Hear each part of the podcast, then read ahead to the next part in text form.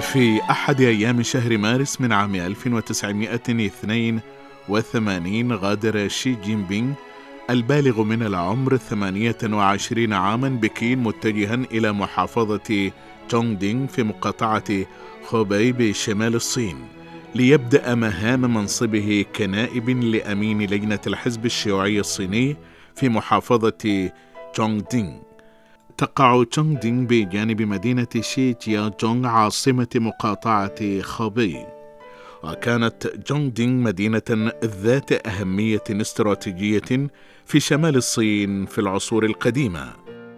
كانت جونغ دينغ تنتج محاصيل جيدة في أوائل الثمانينيات لكنها كانت لا تزال فقيرة للغاية حيث كان المزارعون يكافحون للخروج من خط الفقر. تعتمد الزراعة في المحافظة بشكل أساسي على إنتاج الحبوب مما يترك مجالا ضئيلا للغابات وتربية الحيوانات وغيرها. إن الأراضي الزراعية المحدودة الموزعة على عدد كبير من السكان المحليين هي السبب الأهم في حياة الكثيرين تحت خط الفقر ويعيشون بالكاد على ما يكفيهم من الطعام والملابس. كان شي قلقا للغاية بشأن هذا الوضع واصبح تعزيز النمو الاقتصادي للمحافظة ورفع مستويات معيشة الناس أولوية قصوى بالنسبة لشي.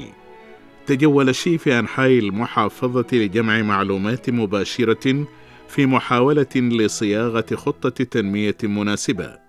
اكتشف شي أن تشونغ تينغ تتمتع بموقع مناسب حيث تقع بالقرب من شي تيا جوانغ وهي مدينة كبيرة نسبيا في المنطقة ويمكنها تطوير اقتصاد سلعي وتشكيل نموذج يدمج الزراعة والصناعة والتجارة وبالتالي توسيع نطاق إمكاناتها الاقتصادية.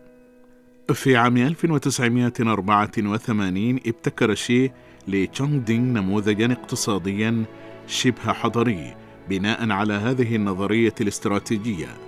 وكان المفتاح هو أن تستفيد تشونغ دينغ من موقعها بين المناطق الحضرية والريفية لتنمو وتعالج وتوفر كل ما تحتاجه شي جيا تشوانغ وذلك لتطوير اقتصادها الخاص وتحسين الدخل المحلي. كسر هذا النموذج الاقتصادي حدود تفكير الناس في ذلك الوقت. وساعد السكان المحليين على إيجاد طريقة مجدية للتخلص من الفقر وتحقيق الثراء كما عزز التنمية المنسقة للمناطق الحضرية والريفية. بعد ذلك كثفت جونغ دينغ جهودها في تفرع اقتصادها وتنويع صناعاتها وبدأ المزارعون المحليون يطرقون أبواب الأسواق الحضرية بمنتجاتهم العمالية والزراعية.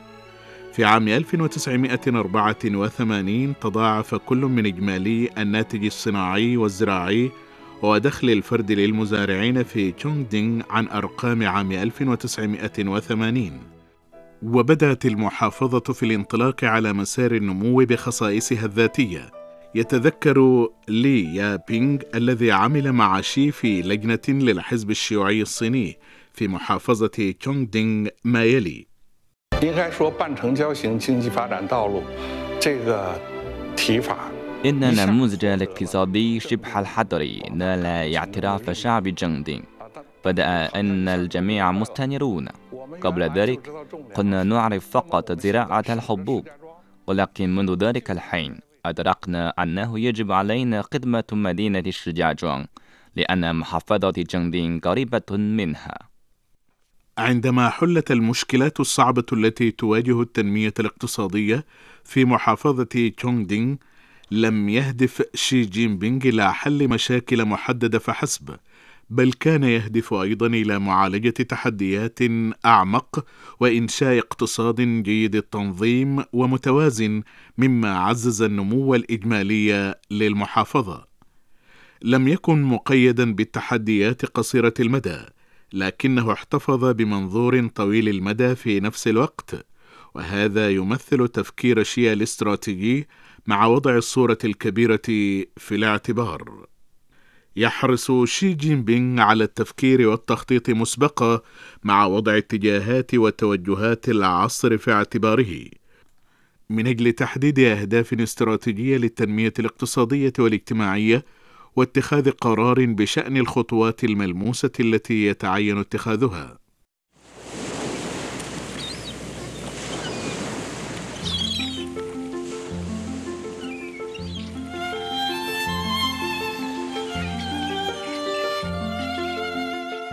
في يونيو من عام 1985 غادر شي محافظة تشونغ دينغ متوجها إلى مدينة شامين في مقاطعة فوجيان جنوب شرقي الصين حيث سيعمل في منصب نائب عمدة المدينة.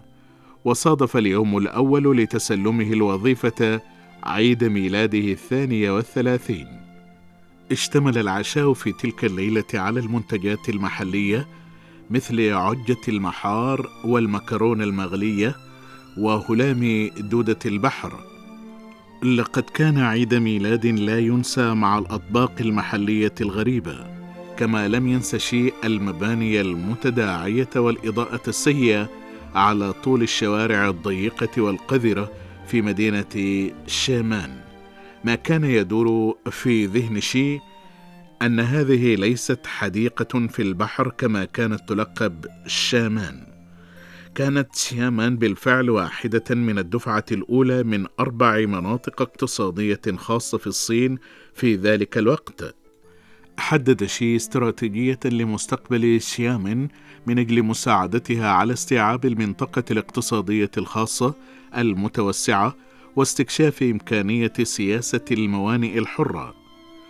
في غضون عام ونصف أجرى شي العديد من البحوث الميدانية واستمع إلى آراء سكان شيامن وزار الاقتصاديين في بكين.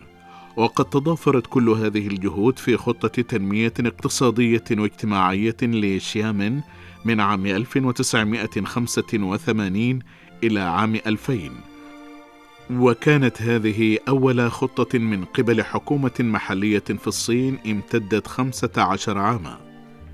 يتذكر تشانغ تشينغ مو نائب رئيس لجنة التخطيط البلدية في تشيامن آنذاك أن استراتيجية التنمية التي اقترحها شي كانت كلمة جديدة في ذلك الوقت تمثل قدرته المتميزة على التفكير إلى الأمام. وقال لطالما كنا نضع خططا خمسية وخططا سنوية لكننا لم نضع مطلقا استراتيجيات للتنمية ونادرا ما كان الناس يفكرون كثيرا في الاستراتيجيات في المنطقة الاقتصادية الخاصة. كما نتذكر الآن كان من غير العادي الخروج بمصطلح مثل استراتيجية التنمية.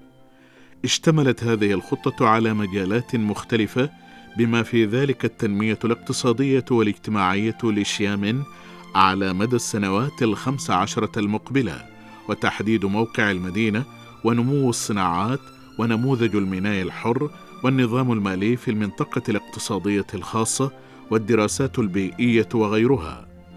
بدأت شيامن التي كانت ذات يوم مدينة جزرية صغيرة نائية صعودها السريع. بعد ذلك غادر شيامن متوجها إلى فوجو عاصمة مقاطعة فوجيان لتولي منصب جديد هناك. وضع شي خطط تنمية اقتصادية واجتماعية مدتها ثلاث سنوات وثمان سنوات وعشرون عاما للمدينة. لقد صمم خططا لفوجو للتحول من مدينة تعتمد على النهر إلى مدينة تصل إلى البحر وبناء دائرة اقتصادية للمثلث الذهبي في مصب نهر مينغ جيانغ من بين أمور أخرى.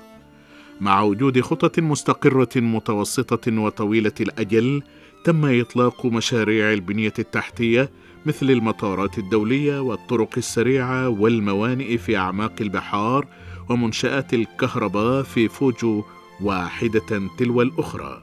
وبدأت الشركات من تايوان والدول الخارجية الاستثمار في المدينة حيث تم إنشاء عدة مناطق تنموية في وقت واحد. خلال فترة ولاية الشيا التي استمرت ست سنوات في فوجو نما الإنتاج الإجمالي للمدينة بمعدل سنوي قدره 20% في المتوسط. ووصل التأثير أيضا إلى مناطق أخرى غير ساحلية. عزز هذا التطور المنسق النمو الاقتصادي السريع للمقاطعة بأكملها. أدلى زملاء شي بهذه الملاحظات ذات مرة فيما يتعلق بقدرته على التخطيط الاستراتيجي. عند تحليل تطور منطقة أو مدينة يدرك شي الحاضر وينظر إلى المستقبل. إنه خبير استراتيجي يتمتع برؤية ومهام طويلة المدى وهو قادر على التنسيق والسيطرة على الوضع العام في ضوء الاتجاه السائد.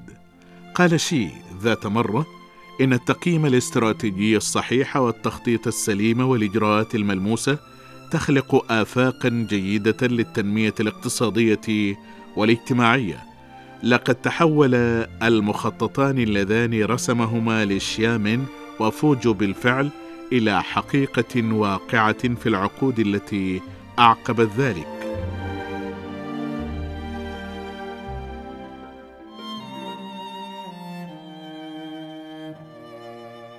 حتى اليوم شيامن ليست فقط مدينة بيئية ذات حدائق جميلة ومناظر طبيعية ساحرة، لكنها أيضا مدينة ريادة الأعمال والابتكار.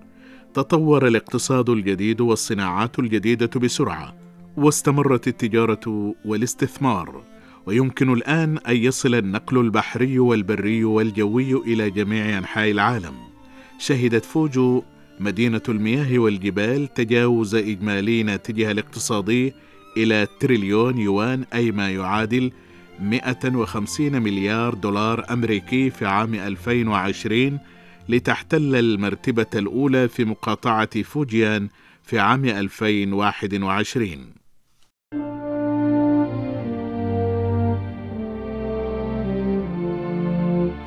يقول المثل الصيني القديم إذا لم يضع المرء خريطة كاملة في ذهنه فلن يستطيع أن يحكم منطقة واحدة بشكل جيد. وإذا لم يخطط المرء للمدى الطويل فلن تكون لديه فكرة على المدى القصير. يتجلى تفكير شي جين بينغ الاستراتيجي في قدرته على التفكير من منظور الصورة الكبيرة والنظر إلى المستقبل وفهم الوضع العام. خلال أكثر من عقدين من الزمان من عمله في مكاتب في مقاطعة تشاتشيانغ وشنغهاي بشرق الصين إلى أن أصبح الزعيم الوطني أجرى شي ترتيبات لتعزيز التنمية المتكاملة لمنطقة دلتا نهر اليانغسي مما جعلها استراتيجية وطنية. خلقت هذه الخطوة مصدرا للنمو القوي والتنمية عالية الجودة، واتخذت مثالا رائعا لبقية البلاد. إن دلتا نهر اليانغسي عبارة عن سهل طمي بالقرب من مصب نهر اليانغسي وتقع في المنطقة الكثير من المدن والمقاطعات ذات المنافسة الاقتصادية القوية بما في ذلك شنغهاي وجيانسو وتشاتشيان. في حين أن هذه المنطقة تمثل 2% من مساحة البلاد و10% من إجمالي السكان فقد ساهمت بأكثر من عشرين في المئة من إجمالي الناتج المحلي للبلاد في عام 2001 كان شي مدركا تماما للأهمية الاستراتيجية لدلتا نهر اليانغسي.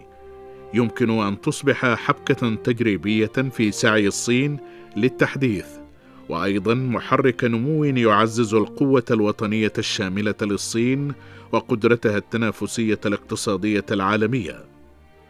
في نهاية عام 2002 بعد أن أصبح شي سكرتيرا للجنة الحزب الشيوعي الصيني بمقاطعة تشاتشيانغ قام بالتنبؤ التالي لمستقبل دلتا نهر اليانغسي.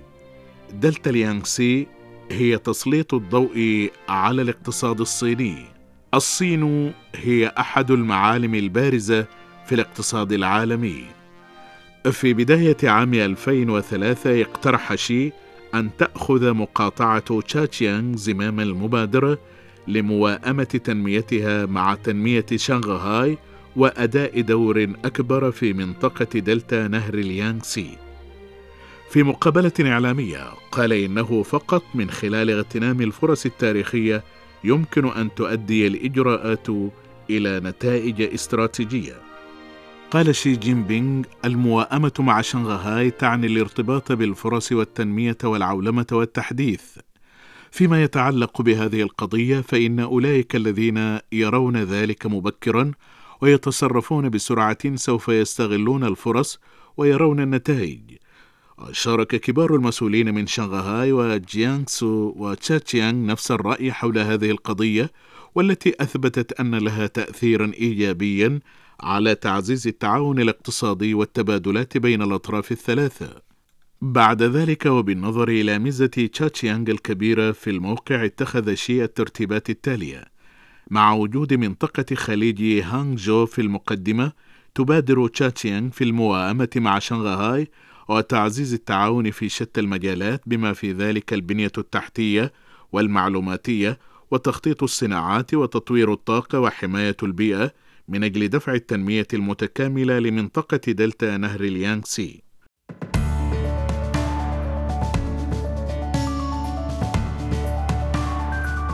وهكذا كان عام 2003 هو العام الأول للتنمية المتكاملة لمنطقة دلتا نهر اليانغسي. واصل شي الترويج لهذه الترتيبات بعد أن غادر تشاتشيانغ متوجها إلى شنغهاي لتولي منصبه الجديد مع الأخذ في الاعتبار استراتيجية التنمية الإقليمية والوطنية اقترح دمج شنغهاي في تخطيط دلتا نهر اليانغسي بأكملها. قال شي بالنسبة لشنغهاي فإن خدمة دلتا نهر اليانغسي هي الخطوة الأولى في خدمة المنطقة والبلد بأكمله ولا بد من تعزيز دورها كمركز اقتصادي إقليمي ومحرك نمو في الاقتصاد الوطني ورائد في المنافسة الدولية. بعد أكثر من عشر سنوات من التطوير اصبحت دلتا نهر اليانغسي واحدة من أكثر المناطق حيوية وانفتاحا وابتكارا في الصين. في خطابه الرئيسي في حفل افتتاح معرض الصين الدولي الأول للاستيراد في عام 2018 أعلن شي أن البلاد رفعت التنمية المتكاملة لمنطقة دلتا نهر اليانغسي إلى استراتيجية وطنية. تتحرك المدن بما في ذلك شنغهاي ومدن مقاطعات جيانغسو وتشاتشيانغ وأنهوي معا لتشكيل مجموعة مدن عالمية المستوى. وأصبحت منطقة دلتا نهر اليانغسي من خلال تكامل المزايا التنافسية بقعة استراتيجية في كل من التدفقات الاقتصادية المحلية وفي التبادلات مع الأسواق الخارجية. وقد أدى ذلك إلى نمط جديد للتنمية عالية الجودة في الصين.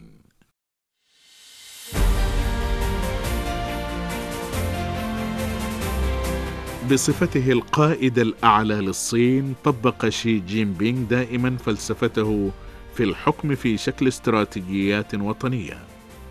على مر السنين عندما خدم شي في مناصب مختلفة لم يتوقف منظوره الاستراتيجي ابدا بعد طرح الاستراتيجية ولكنه استمر طوال الطريق حتى استكمال عملية تنفيذها.